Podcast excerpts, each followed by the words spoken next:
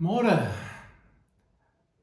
Dit is vanoggend 'n vreugdevolle oggend na die stres en die spanning van die swaarmoedigheid rondom Jesus se sterfte, die kruisiging.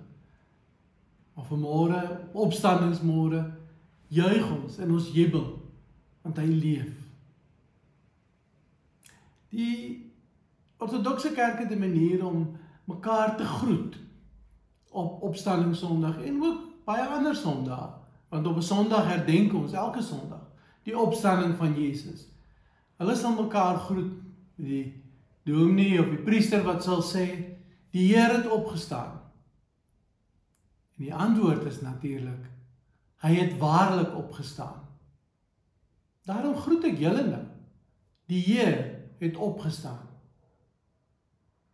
En ek hoop julle groet my terug.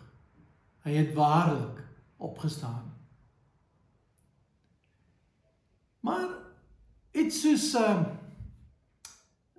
uh, opstanding is 'n is 'n vreemde ding. Dis 'n moeilike ding. As ek vir julle sê ek steek iets weg in my hand. Hoe sal julle raai? Jy sal begin kyk en dink, "O, oh, hy moet klein genoeg wees om my hand te pas." Kan nie 'n olifant of 'n kameelperd wees nie. Maar as ek vir julle sê ek het 'n kar in my hand, sal julle my glo. Ek dink as ek 'n kindie gehad het, my kleinkind en ek het hom probeer oortuig sê hy moet loer, dan dan sou julle dalk gesê nee, ek glo dit nog steeds nie. Maar ek het 'n kar in my hand. Ja, 'n klein speelgoed Volkswagen Beetle maar dis 'n kar. Maar dis maar net een manier waarop ons sukkel, waarop ons sukkel met die men die die die die verstaan en die glo en die aanvaar dat Jesus leef. Hy het nie agtergebly op die op die kruis of in die graf nie. Hy leef ook vandag met ons. In vandag se teks wat ons gaan lees in Johannes 20 gaan juis oor glo. Kom ons luister na Johannes 20 vers 1 tot 8. Die Sondagmôre vroeg, toe dit nog donker was, kom Maria Magdalena by die graf en sien dat die klip van die graf af weggerol is. Sy hardloop toe en gaan na Simon Petrus en na die ander disipel toe vir wie Jesus baie lief was en sê vir hulle hulle die Here uit die graf weggevat en ons weet nie waar hulle hom nou begrawe het nie. Petrus en die ander disipel het toe uitgekom en na die graf toe gegaan. Die twee het saam begin hardloop maar die ander disipel het vinniger as Petrus gehardloop en eerste by die graf gekom. Toe hy vooroor buig sien hy die doeke lê, maar hy het nie ingegaan nie. Na hom het Simon Petrus ook daaraan gekom en hy het in die graf ingegaan. Hy sien toe die doeke daar lê, ook die doek wat om Jesus se kop was. Die doek het nie by die ander doeke gelê nie, maar was eenkant afsonderlik opgerol. Daarna het die ander disipel wat eerste by die graf gekom het, ook ingegaan. En hy het dit ook gesien en geglo. Ons lees net tot sover. Eintlik is hierdie die heel verkeerde teks om op 'n Paasondag te lees. Want hier gaan dit nie om geloof nie, gaan om ongeloof. Hulle het die Here uit die graf weggevat en ons weet nie waar hulle hom nou begrawe het nie. staan hier in vers 2. Die disippels glo Maria Magdalena ook nie regtig nie. 9 van die 11 bly sit. Ag, dit klink na 'n klomp nonsens. Net Petrus en die geliefde disipel hardloop om te gaan kyk. Petrus is eerste die graf in. sien, maar sien ook nie. Net van die geliefde disipel word gesê, hy het ook gesien en geglo. Maria Magdalena was baie ontstel oor die feit dat die liggaam van Jesus nie daar was nie. Sy kyk die grafdoeke heeltemal mis. Petrus sien die grafdoeke, maar sit nie 2 en 2 bymekaar nie. Die ander disipel, jy moet vinniger gehardloop het. Hier staan hy het geglo. Ek myself gaan onderbreek. Wat is hierdie storie van die van die grafdoeke? Hoe dit nou eintlik gelyk? Is Jesus toegedraai soos 'n Egiptiese mummie? Nie glad nie. Dit was een van twee maniere.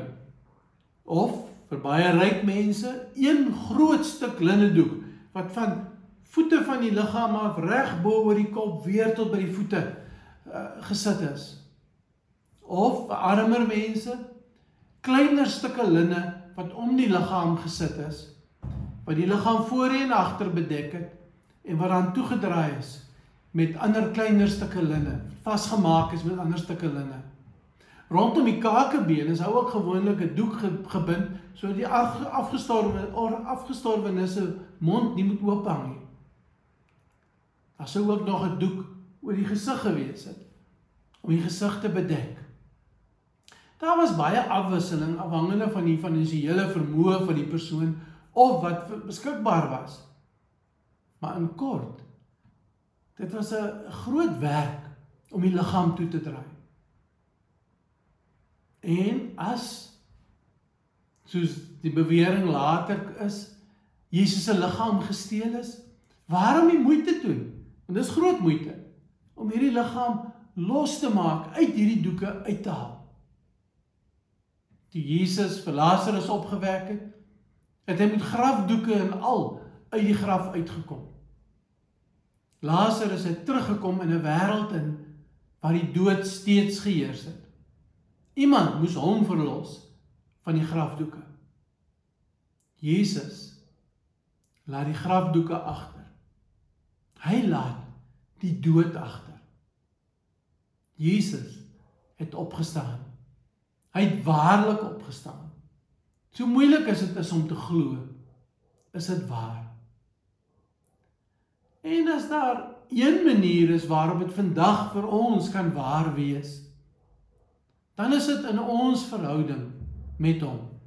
Want net deur 'n verhouding met hom te leef, kan ons hom erken. Bietjie verder in hierdie hoofstuk in vers 18 erken Maria Magdalena Jesus se stem toe hy met haar praat, toe hy haar op die naam roep. Sy het sy stem geken. Daar was 'n verhouding.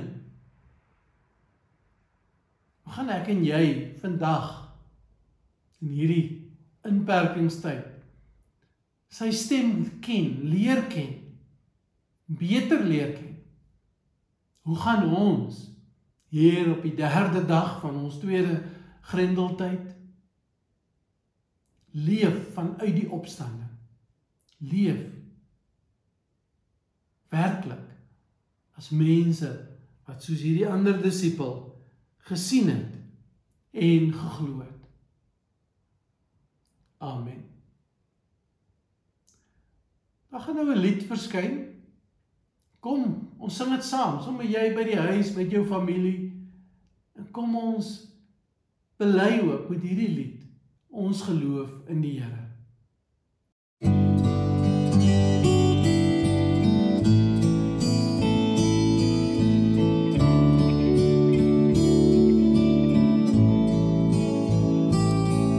Ek glo in God, die Skepper Heer, die sterke God, almagtige beskikker van die mens se lewenspad. Hart en siel wil ek dien sodat mense hier kan sien Ek wil voor die troon kom buig In woord en ek getuig. Ja, waarlik u is die God wat my beheer.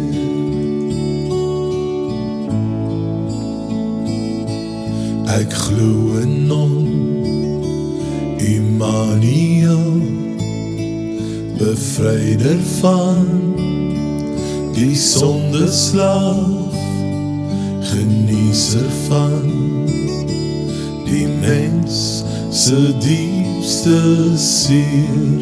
Die graf is leeg en Jesus leef. Die lam van God het my bevry. Ek wil voor die kruis gaan buig. En word en dat sal ek getuig. Ja, waarlik U is die een wat redding bring.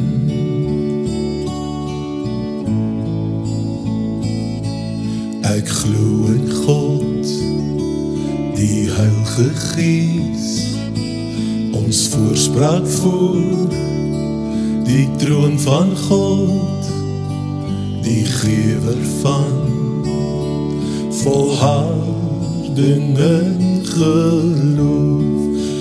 Ek wil in die gawes deel, die liefde met die wêreld deel. Laat my altyd bid en werk. Daarom is ek in die kerk. O Heilige Gees, trooster kom en leef in my. O Heilige Gees, trooster kom en leef in my.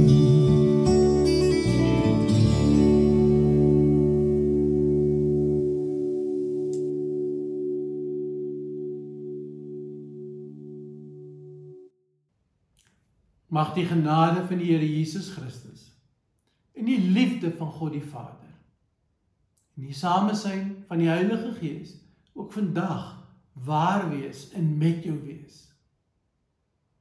Amen. Gaan in vrede. Geniet die dag. Geniet jou familie, geniet jou mense.